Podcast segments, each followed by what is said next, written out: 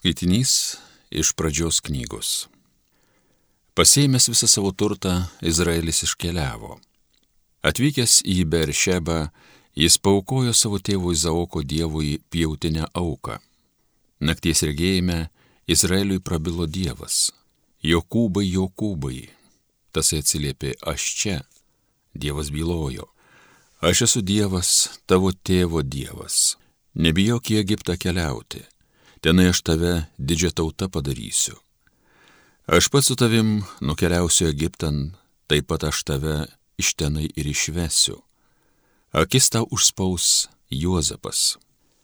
Jokūbas išvyko iš Beršebos, Izraelio sūnus įsodino tėvą Jokūbą, savo vaikus ir žmonas į vežimus, kuriuos faraonas buvo pasiuntęs jo pargabenti. Pasėmė savasias kaiminės bei kitą Kenane įsigytą turtą, Egiptan kraustėsi Jokūbas ir jo palikuonys. Visus savo sūnus ir sūnaičius, dukras ir dukraitės, visus palikuonys gabeno jisai į Egiptą. Laiku pas Juozapą išsiuntė Judą pranešti, kad tas Gošene pasitiktų jį priešais. Jiems atvykus į Gošeno sritį, Juozapas liepė pakinkyti vežimą ir išvažiavo į Gošeną pasitikti tėvo Izraelio. Tam pasirodžius, Jis puolė tėvo ant kaklo ir apsikabinęs ilgokai verkė.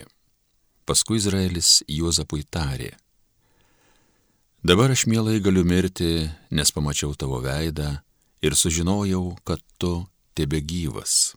Tai Dievo žodis.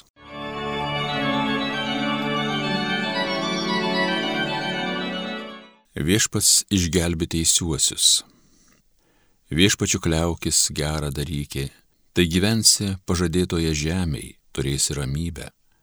Džiaukis, kad garbini viešpatį, jis tau suteiks, ko širdis tavo trokšta. Viešpats išgelbi teisiuosius. Viešpačiai rūpi teisiųjų likimas, jam žiais valdys gautą į turtą. Kai nelaimių metai užeis, nebus jiems sarmatos. Viešpats išgelbi teisiuosius traukis nuo piktą, kas gerą darykė, tai gyvenęs gyvensi.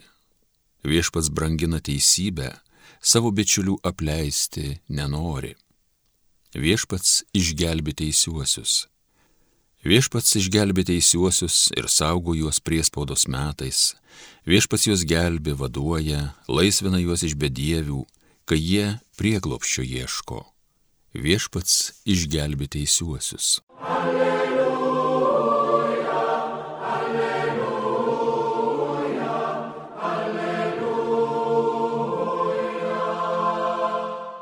Kai ateis tiesos dvasia, jūs įves į tiesos pilnatvę ir viską primins, ką esu jums pasakęs.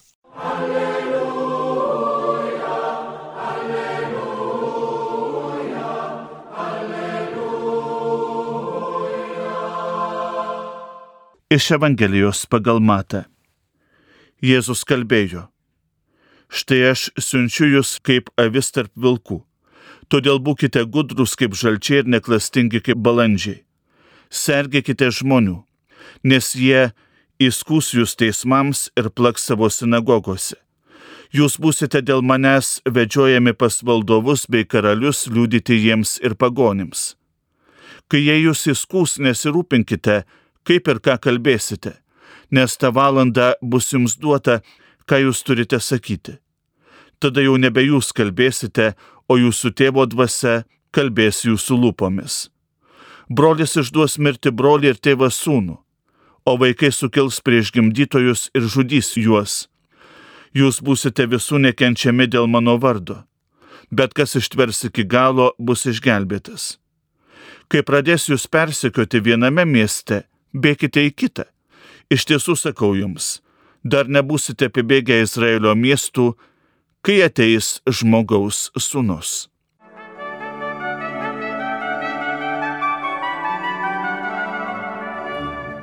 Brangus broliai ir seserys, mėly Marijos radio klausytojai, šiandien ką tik tai e, girdėtąją Evangelijos ištrauką mes e, turėtumėm visuomet turėti prieš akis. Turėtumėm ją pradėti savo dieną, tai yra krikščioniškojo liudijimo dieną Ir šiandieną Jėzus galbūt truputėlį ir poetiškais žodžiais, o kita vertus labai konkrečiais ir net galbūt ir kasdieniškais žodžiais ir palyginimais mums atskleidžia, koks turėtų būti krikščionis. Krikščionis visais laikais yra lyg avinėlis tarp vilkų. Iš tiesų galima sakyti, kad ir nepatogi tokia situacija, ir galbūt nedėkinga situacija, juk žmogiškai galbūt mes, mes norėtumėm, kad mums visi tarnautų, tuo tarpu Jėzus kalba apie atvirkštinį variantą. Krikščionis, jį sekantysis, bus tas, kuris tam tikrą prasme visuomet yra pavojuje. Ir šį pavojų jam siunčia aplinka. Jam siunčia netgi ir tie, kurie yra labai arti, kurie netgi yra ir šeimos nariai. Viena vertus Jėzus kalba apie tam tikrą susiskaldimą. Kita vertus, šis Jėzaus kreipimasis į savuosius yra ir be galo, be galo viltingas. Mes šiandieną turėtumėm pasimokyti tos šventos ištvermės išbūti krikščionėmis. Ko gero taip, mes visi išgyvename tas labai subtiles pagundas, kad galbūt reikėtų tam tikrą prasme asimiliuotis, tam tikrą prasme e, vos ne ištirpti, vos ne prisitaikyti prie aplinkos, prie didesnės pusės, prie, prie pozicijos. Tuo tarpu Jėzus Jėzus kviečia galbūt kai ką palikti, galbūt palikti savo įprastą aplinką, jeigu mes dėl tikėjimo išgyvename priešiškumą ir eiti kitur. Tačiau nepamiršti būti krikščionėmis, nepamiršti liudijimo, nepamiršti ir to, kad mes esame žmogaus sunaus, mokiniai žmogaus e, sunaus sekėjai, Be abejo, viešpats e, kalba ir apie Jeruzalės sunaikinimą, sunkius, sunkius laikus, tačiau jis pažada kartu ir sugrįžti. Visuomet tegul mūsų akis, mūsų žvilgsniai būna nukreipti į sugrįžtantį viešpatį. Viešpatį, kurį mes turime liudyti ir kuriam kelią turėtumėm paruošti savojų gyvenimu savojo buvimu krikščionėmis. Ir jeigu mes esame nekenčiami, tai žinokime, kad visa tai dėl Jėzaus vardo. Ir jeigu kas nors mus atstumia, tai juo labiau atstumia Dievą. Mes liudikime tuos kitokius variantus.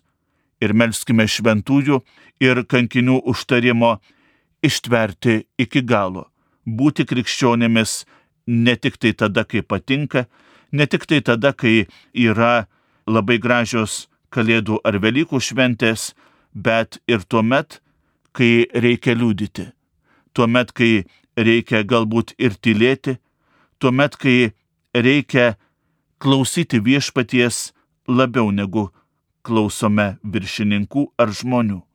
Taip mes ir patys būsime išgelbėti, taip mes ir liūdysime begalinį viešpaties gailestingumą ir išgelbėjimą. Tad iš tiesų norisi ir savo, ir jums visiems, mėly Marijos radijo klausytojai, palinkėti drąsos. Kartais tikrai tenka prisipažinti, turbūt ne vien tik tai aš, bet ir mes, mes daugelis išgyvename tos drąsos stygių. Reikia mums šventosios dvasios, reikia šventosios dvasios to vedimo ir nukreipimo, kad jie pripildytų mus drąsa ir išmintimi. Žengus vieną žingsnį, nesustoti, bet iš karto žengti ir kitą žingsnį link viešpaties. Nesvarbu, koks bus horizontas, kokia bus aplinka, svarbu keliauti liudijant viešpatį ir viename mieste, ir kitame.